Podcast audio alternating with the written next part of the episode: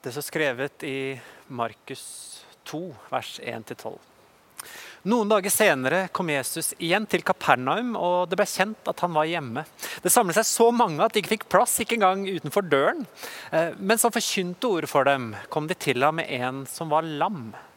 Det var fire mann som bar ham, men eh, de kunne ikke komme fram til ham pga. trengselen. Derfor brøt de opp taket over stedet der han var, laget en åpning og firte ned båren som den lamme lå på. Og da Jesus så deres tro, sa han til den lamme, sønn, syndene dine er tilgitt.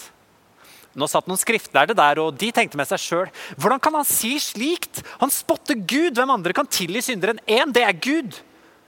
Straks visste Jesus i sin ånd at de tenkte slik, og han sa til dem, hvorfor går dere med slike tanker i hjertet? Hva er lettest å si til en lamme, synden din er tilgitt, eller stå opp, ta båren din og gå? Men for at dere skal vite at menneskesønnen har makt på jorden til å tilgi synder, og nå vender han seg til en lamme. Jeg sier deg, stå opp, ta båren din og gå hjem.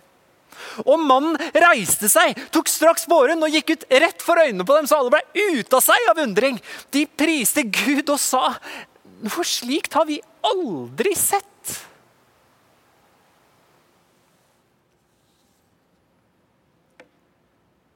Bibelen er delt inn i kapitler og vers, og noen bibler har overskrift. I min bibel står det 'en lam mann'. Det slo meg. Det er litt som å si 'en punktert bil'. Du ser for deg en bil som er helt perfekt, alt er bra på den, bortsett fra at den er punktert. Du kunne ha gått på ferie med den, du kunne ha reist på jobben med den, men pga. at den er punktert, så blir bilen ubrukelig. En punktert bil er en ubrukelig bil. Sånn er det en del folk som hører om seg. Sånn er det en del folk som tenker om seg. For mange er dette i virkeligheten. Kjære Jesus, vær her fortsatt med Din Hellige Ånd, for navnet ditt skyld. Amen. Bibelen har et annet menneskesyn. Selv om vi kristne ofte dilter etter storsamfunnet, er det ikke med? Når liksom storsamfunnet, flertallet, media, flertallet mener noe, så er det veldig fristende for kristne å begynne å gå etter. Og dilte etter, henge på slep. For en 200-300 år siden i Norge så skjedde det. Vi hadde et syn i Norge, en, vi kalte det for et vitenskapelig syn, om at vi var utvikla fra noe mindre og skulle gå til å bli noe bedre. Og i Norge fikk vi en tanke om at kanskje vi nordmenn er bedre enn andre folk. Og det fikk uthyggelige følger for synet vårt på andre mennesker. I Norge fikk det uhyggelige følger for synet vårt på samene f.eks. Det ble sånn at eh, Kirken, de kristne, slo seg sammen med vitenskapen og politikken og ble på en måte makteliten. De ble flertallet, og flertallet kjørte på og i beste mening kjørte over andre folk. Vi fikk det både mot samer, mot rom, romfolk, mot jøder, og historien er lang.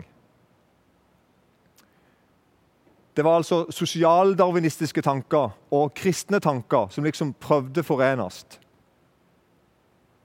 Det er ikke bra. Når vitenskap og kirke og politikk slår seg sammen og blir en flertall, så er det ofte ikke bra. De lagde misjonsarbeid sammen, der de på en måte prøvde å gjøre andre folk sånn som oss. Noe av det var sikkert godt meint, og noe av det var kanskje bra òg, men for veldig mange ble det helt utrolig ubehagelig. UL er arrangert av Norsk Luthersk Misjonssamband og Indremisjonsforbundet. og De har motto som 'Verden for Kristus' og 'Med Guds ord til folket'. Langt bedre motto. Men for noen var det altså sånn at de tenkte at noen mennesker har mindre verdi, er mindre verd. Men vi hadde såpass moral at vi skulle hjelpe deg til å bli sånn som oss. Og forresten, kjenner du dette igjen? Er det et flertall i dag som forteller noen andre at de bør forandres? At ikke du kan være sånn som du er i 2020? Ser du noen i media i dag som liksom er et trygt flertall? Blanda av kristenledere, politikere, kjendiser, programledere osv.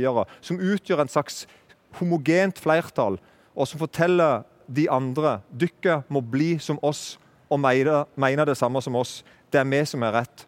Jeg for min del kjenner det på kroppen daglig. Nå er ting mer sånn som på Jesus sitt tid. Jeg tilhører ikke lenger et, et flertall. Jeg er i et sterkt mindretall. Og jeg fristes ikke lenger til å bruke en flertallsmakt, for jeg har ikke den. Min fristelse er kanskje å, å gi opp. Det er farlig å blande politikk og moral og religion og populære tanker i ei smørje. Det blir fort undertrykkende. Òg i dag er det sånn at politikk og moral blir blanda sammen i ei smørje, og vi er på leiting etter noe som ikke passer inn. Og nå for tida, mer enn noen gang, jakter vi på det ufødte liv. Vi går inn i magen til mor og sjekker og leter etter feil, med, med det for øye at vi vil luke bort feil og avvik. Og Samtidig skjer dette i en tid der vi snakker et ekstremt inkluderende språk. Vi skryter på oss å være det mest inkluderende samfunnet som fins. Og midt i den tida så går vi og leter etter feil for å luke det ut. Det er løgn. Vi ser ned. Det store vi-et ser ned på en haug med medmennesker. På Jesu tid var det ikke bra å være lam. To av grunnene var for det første det var ikke tilrettelagt for det verken økonomisk eller sosialt. Det var, det var ikke bra å være lam, det var upraktisk. Men det andre kanskje enda mer det var en skam. Hvis du hadde en, en sykdom som for eksempel, eller var lam, f.eks., så var det en skam, for antageligvis var det en straff. Enten hadde du sjøl gjort noe gale som gjorde at du var, på en måte var skyldig i å være syk eller lam, eller så var det kanskje foreldrene dine. Vi ser det i Johannes kapittel 9. Så ser vi der i vers 1, 2 og 3 i Johannes 9. Da er altså Jesus og disiplene ute og går. og så, Da han gikk videre, så han en mann som var født blind. Disiplene hans spurte ham, 'Rabbi, hvem har syndet, han eller foreldrene hans, siden han ble født blind?' Altså Disiplene til Jesus hadde òg den tanken. Her er det en mann som er født blind. Hvem har gjort noe galt? Er det han sjøl som har skylda for at han er blind, eller er det foreldrene som har skylda?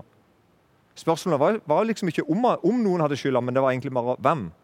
Og så leser vi da i vers 3 Jesus svarte verken han eller foreldrene hans har syndet, men det er skjedd for at Guds gjerninger skulle åpenbares på ham. Så Jesus avviser en tanke om at det var noe galt med den blinde mannen. At det var noe moralsk galt. Wow! Det var altså ikke bare sånn at den blinde mannen ikke var spesielt syndig, men det var faktisk til med tvert imot, sier Jesus. Denne blinde mannen var utvalgt av Gud for å herliggjøre hans sitt navn. En lam mann. Tygg litt på den. Kan jeg få litt mer info om denne mannen? Det er litt lite hvis jeg bare hører at en mann er lam. Vi vet at det å si en lam mann det forteller ikke så mye om en mann. Alt er ikke sagt. Et menneske er mye mer enn gå- og løftefunksjoner. Mye mer. Verdens viktigste menneske kan godt være lam. Hvorfor ikke? Samtidig det er vanskelig å være lam. Av mange grunner, og i alle samfunn. Sjøl med mange gode hjelpemidler. Den lamme mannen i teksten i dag hadde venner. Han hadde gode venner, og i tillegg var de kristne. Gode kristne venner er ikke som andre venner fordi de ser dobbelt. Men først, hva var det settingen dette skjedde i?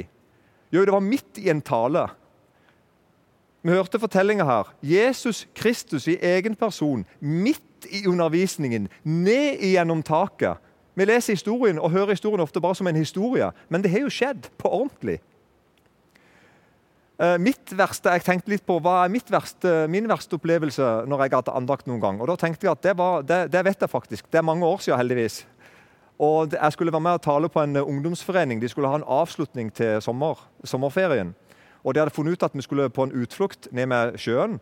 og Der var det en, en fin uh, strand, og det var litt sånn fine plener der, og det var noen tre der. og Der skulle vi da bl.a. grille litt og sparke litt fotball, og jeg skulle ha en andakt.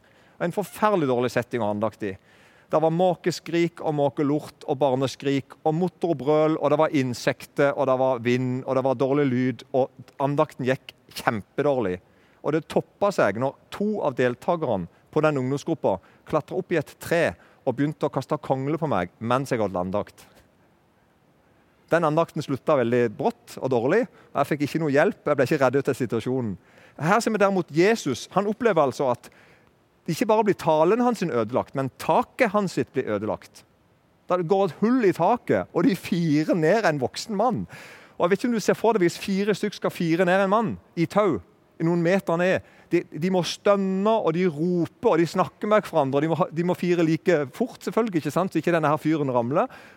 Se for deg alt det kaoset som skjer midt i talen.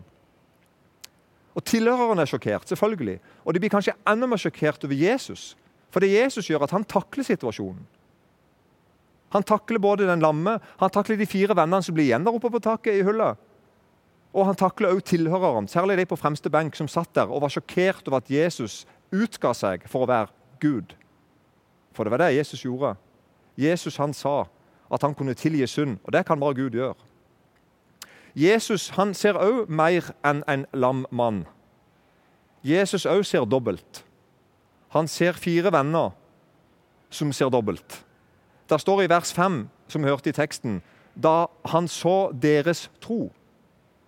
Hvem sin tro var det Jesus så der? Jo, Jesus så troa til de fire vennene. Hva var det de trodde? At Jesus kunne tilgi synd. Det står sånn Da Jesus så deres tro, sa han til den lamme, barn, syndene dine er deg forlatt. I teksten her så står det altså ikke at Jesus så størrelsen på troa til de fire vennene at de hadde ei sterk tro. Der kunne ha stått det. Men her i teksten er poenget at Jesus så, så hva de trodde om han. Det er poenget. De fire vennene hadde ikke en lam venn. Punktum. De fire vennene hadde en venn som behøvde tilgivelse for syndene sine. De fire vennene hadde en venn som hadde behov for å få et forhold til Gud få fellesskap med Gud. Det at han var lam, var på mange måter ikke problemet for de fire vennene. Det kunne de hjelpe han med, men de kunne ikke tilgi han synd. Det kan bare Gud.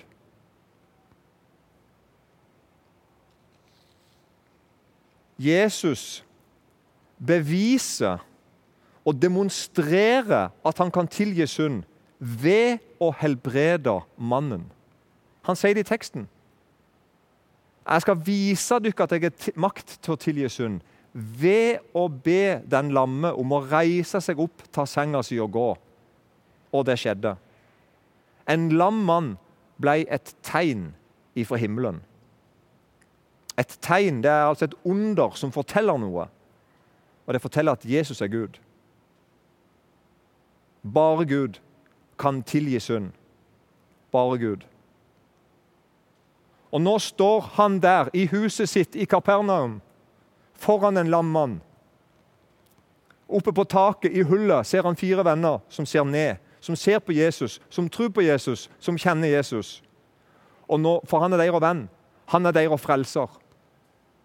Og De kjenner han, og nå har òg vennen deres blitt kjent med han. Jesus han er en venn som har omsorg for meg. Eller rettere sagt, Jesus er en venn som har omsorg for hele meg. Ikke bare det indre og ikke bare det ytre, men hele meg. En sånn venn vil jeg òg være.